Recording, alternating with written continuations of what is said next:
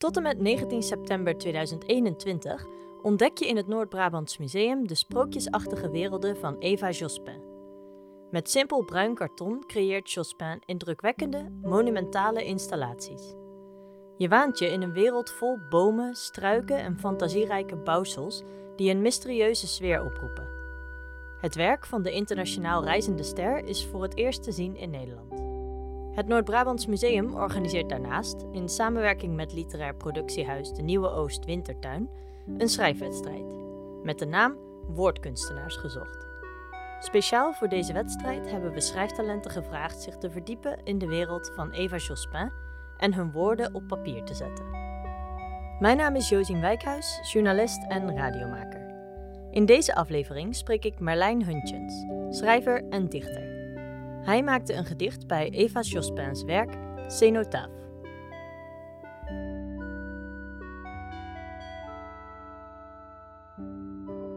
Klooster. Een soort kerkachtig klooster.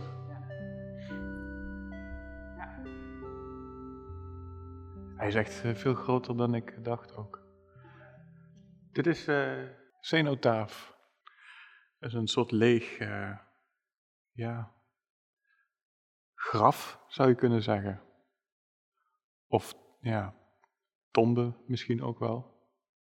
Doen ze heel vaak bij uh, soldaten die dan ergens gevallen zijn, die ze dan niet terug kunnen vinden. Dan is dat stoffelijk overschot kwijt. Of weg, of opgelost, of vernietigd, of ontploft. En dan zetten ze een soort gedenksteen neer. Met al die namen erop van die gevallen soldaten. En dat is ook een cenotaaf. Net zoals dat uh, dit misschien een, uh, op die manier, in elk geval in mijn gedicht, op die manier een cenotaaf is.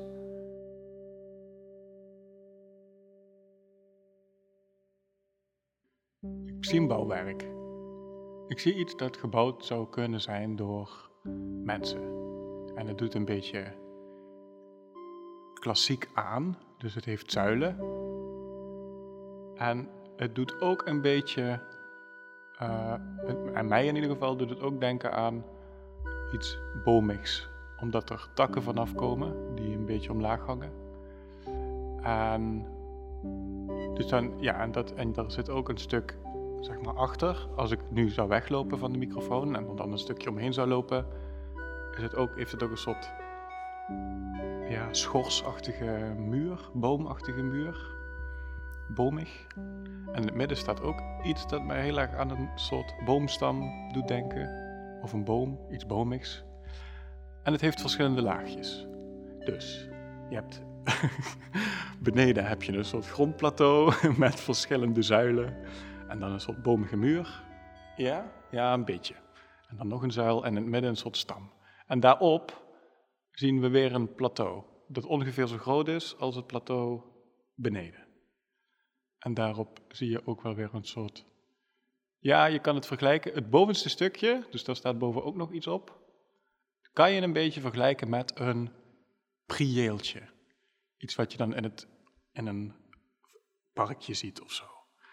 Waar dan mensen romantisch in zitten. of zoiets. Dus als je dit tegenkomt, het is ook wel weer super verweerd door de tijd of zo. Je ziet omdat er dus heel veel ja, boomachtige structuren omheen bestaan en takken omheen zijn gegroeid, zou je kunnen denken, hier komt niet zo vaak iemand. Dit staat al heel lang hier, zonder dat daar mens bij in de buurt is geweest. ik schrijf heel veel over uh, mensen of personages of poppetjes. En um, dus dan kies je ook al met dat idee, kies je ook een werk uit waar je van denkt, daar kan een poppetje bij, naast, in, op. Uh, en dat heeft dit werk wel. Een ander werk dat ik had kunnen kiezen, daar had het ook een poppetje bij, in, op of naast gekund, maar dan was dat poppetje nog meer gekrompen. En hier blijkt het poppetje uh, naast de cenotaaf toch wel op ware grootte te zijn. Want het is wel groter dan ik dacht. Ik vind het ook wel uh, indrukwekkend of zo, nu ik ervoor sta. In elk geval toenemend indrukwekkend. Ik ben ook nu, ook als ik kijk naar de andere werken, ben ik heel, ja, niet dat, sorry, niet dat ik iets per se tegen deze, maar ik vind deze toch wel echt uh, helemaal te gek. Ik ben blij dat ik dit werk gekozen heb. Dus misschien natuurlijk ook dat je denkt, ja, wat je ook had gekozen, daar was je dan toch wel blij mee geweest als je het echt had gezien. Maar ik meen het. Ik vind het echt, van wat ik allemaal in deze ruimte zie, is dit echt de vetste hoor.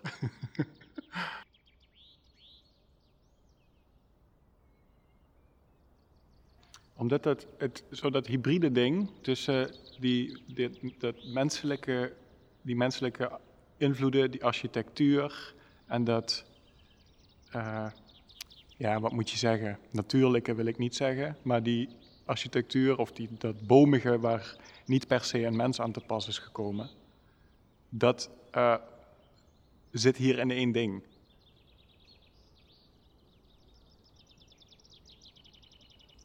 Na dit seizoen komt er niets nieuws. Een dorpsgenoot, we weten wie, heeft zonder enig overleg, voor de zekerheid, een boomheiligdom gemaakt als holle cenotaaf in een van de gangen van onze kerk. Het was droog. Alle oogst mislukte. We hielden ons vast aan onszelf, wikkelden kralenkettingen met kruizen strak om onze handen knepen alle knokkels en vingernagels wit. We hebben vergeefs extra goden bedacht. Onze vader verdween. Hij werd voor het laatst gezien toen hij een week geleden s'nachts het bos inliep. Er schijnt sindsdien onafgebroken oranje licht tussen de bomen door. Dieren lopen nog altijd rustig richting ons dorp om in de warme schaduw samen met ons te schuilen en te wachten op kou. We slapen slecht. Enkele van ons kregen nachtmerries alsof we allemaal iets schuld waren, iets dat niet klopt in gang hebben gezet. Nu staat er deze lege tombe in onze kerk. Het huis waarin onze verdwenen vader woonde, gaat al langzaam op in het bos.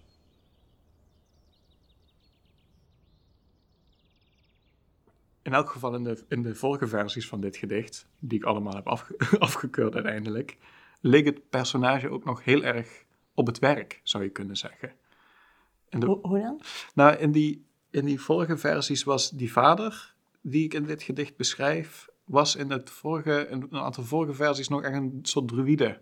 Dus ook een soort uh, mens dat zich precies tussen uh, uh, nou, ik wil niet zeggen de natuur per se, maar tussen de mensenwereld en de niet-mensenwereld bevindt. En ik was wel op zoek naar een personage dat zich ook in dat schemergebied bevond, in die hybride. En nu is dat een vader geworden die, uh, die verdwenen is.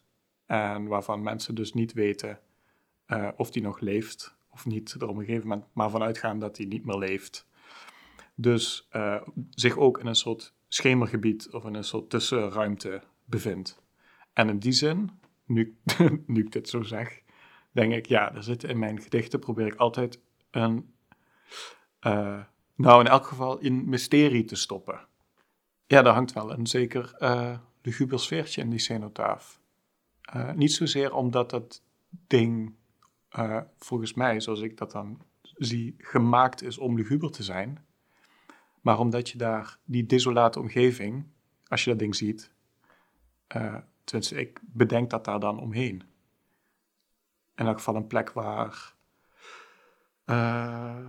weinig mensen komen. En als mensen daar komen, daar heel, komen met heel veel respect. Alsof het een soort heiligdom is, of alsof het in een kerk staat. Of uh, in elk geval niet in een bedrijvige winkelstraat of zo. Dus het bevindt zich ook steeds in een tussenruimte. Zo wel niet openbaar, wel niet toegankelijk ja, dat vind ik bijzonder aantrekkelijk. Ik denk dat dat ook wel dezelfde. Ik denk dat heel veel mensen om diezelfde reden ook wel eens uh, naar verlaten gebouwen gaan of zo. Om daar, uh, ja, foto's te maken of een beetje te turnen of te stunten. En dan ergens in de hoek zo'n uh, een pop vinden dat dan van een klein meisje is geweest. En dan soort van, dat voelt altijd luguber, maar het is ook ergens toegankelijk en vertederend en supermenselijk en logisch. En, het is een interessante tussenruimte En die, die tussenruimte waar je het over hebt, hè? Mhm. Eh, bevindt jouw werk zich ook vaak in zo'n tussenruimte? Ehm, nou, ik, ik, schrijf, ik, schrijf die, eh, ik schrijf heel veel gedichten of zo, wel met dat soort ideeën of beelden of uh, sfeer in mijn hoofd. Of dat werk dan uiteindelijk uh, zich daar ook in bevindt, of, of die tussenruimte zich in dat werk bevindt. Dat, ja, soms is dat ineens helemaal niet zo. Soms is het vrij, vrij helder of concreet. En dan gebeurt er iets anders in dat werk. Maar um, ja, ik, ik, ben, ik ben daar wel nieuwsgierig naar. Dus ik, ik schrijf wel een beetje met die, met die gedachten in mijn hoofd. Dus altijd, ja, of er, uh, of er bevindt zich uh, een, een, tussenruimte in de zin van dat iets niet helemaal uitgesproken wordt, of niet helemaal duidelijk is, of het niet. Het is een beetje de, hoe zeg je dat? De olifant in de kamer.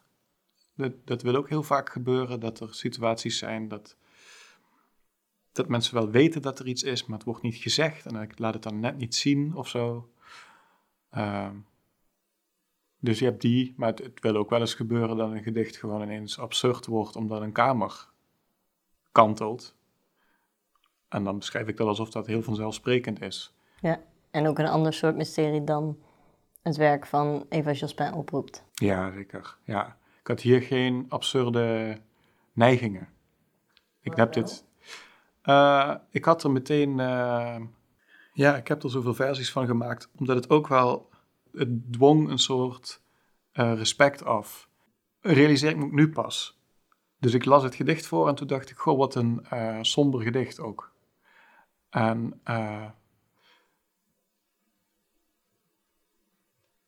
ja, normaal wil ik nog wel eens grapjes maken of heel absurd worden. Of um, een beetje, nou lullig wil ik niet zeggen, maar ik kan nog wel eens heel vrolijk door mijn werk heen huppelen.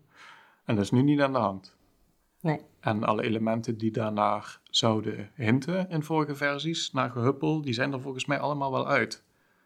Ik kijk nog eens even goed. Mm ja, wordt weinig gehuppeld in dit gedicht, zie ik. Misschien in die eerste zin. We weten wie. Dat dat zo tussen haakjes staat. Misschien. Maar het kan ook iets heel donkers zijn. Ja. Iets dreigends hebben. Ja. Zo, zo zag ik het een beetje, denk ik. Ja. Ja. En ook, ook de titel voorspelt niet veel goeds. Na dit seizoen komt er niets nieuws. Dus het is echt, uh, ja, misschien wel een van de donkerste dingen die ik ooit geschreven heb. Gaat jouw werk vaker op, op dit soort manieren relaties aan met andere kunst? Mm.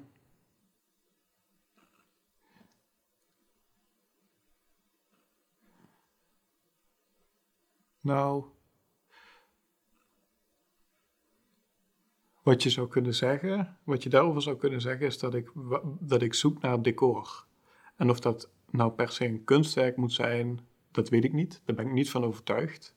Ik kan me voorstellen dat het voorkomt. Dit is misschien wel een van de weinige momenten dat ik dat heel bewust doe. Dus een gedicht schrijven bij een beeldend werk. Uh, die hoeven, als je naar mijn, naar mijn gedichten kijkt, zijn die gewoon in de minderheid. Maar ik ben wel altijd op zoek naar een, uh, naar een decor waarin ik een situatie kan zetten, of waarin ik iets kan kantelen, of iets in kwijt kan. Of, um, dus ik ben ook eerder geneigd om iets te schrijven bij twee parkbankjes, zou je kunnen zeggen, waar iets omheen ligt. Of waar, iets waarvan je zeker weet dat daar iets gebeurd is, maar je weet niet wat er gebeurd is. Dan dat ik een, een gedicht schrijf over, of een tekst schrijf over een mening of een uiting of over een uh, gedachtegang. Dat is, dat is niet zo vaak het geval. Er komt, het komt wel weer zo. Het komt wel voor dat ik dus, als ik een keer een goede zin hoor of ik noteer eens wat, dat dat allemaal in dat decor terechtkomt. Maar mijn startpunt is vaak een, nou, plek wil ik niet zeggen, maar een, een, een ja, een, een, een, decor of iets wat uitnodigt om uh, daar een situatie omheen te beschrijven. Zonder dat ik daar per se alleen maar beschrijvend over wil zijn. Dat is nog wel een. een begin nu zo langzaam door te krijgen wat ik, wat ik tof vind om te maken. Uh, en daar krijg je gratis bij dat je ook uh, weet wat je niet per se in je gedichten wil stoppen. En ergens vind ik het heel gaaf dat ik zo beschrijvend kan zijn in die werken. En vind ik dat ook een van de leukste dingen om te doen. En precies tegelijkertijd kan ik er nog wel eens denken: ja, ja, maar je moet hem niet plat slaan. Het moet niet alleen maar een beschrijving zijn. Er moet meer gebeuren dan een beschrijving van wat je ziet. Ja, dus nu zijn mijn, als ik mijn gedichten uh, mislukt vind, dan is dat uh, dat wat je beschrijft. Dus dan, dan zijn het beschrijvingen van, van wat ik daar zie. Of dan is een gedicht mislukt of nog niet af. Of dat is dan de eerste laag of zo. Maar het is wel, ik vind het wel te gek om te doen. Ik zou echt, uh, als ik me verveel thuis of ik ben een beetje van me uit aan het staren, dan kan ik best nog wel eens een, een, gewoon even een rolletje plakband beschrijven. Ja. Ja. Leuk. Heel, uh, kan het iedereen aanraden om rolletjes plakband te beschrijven.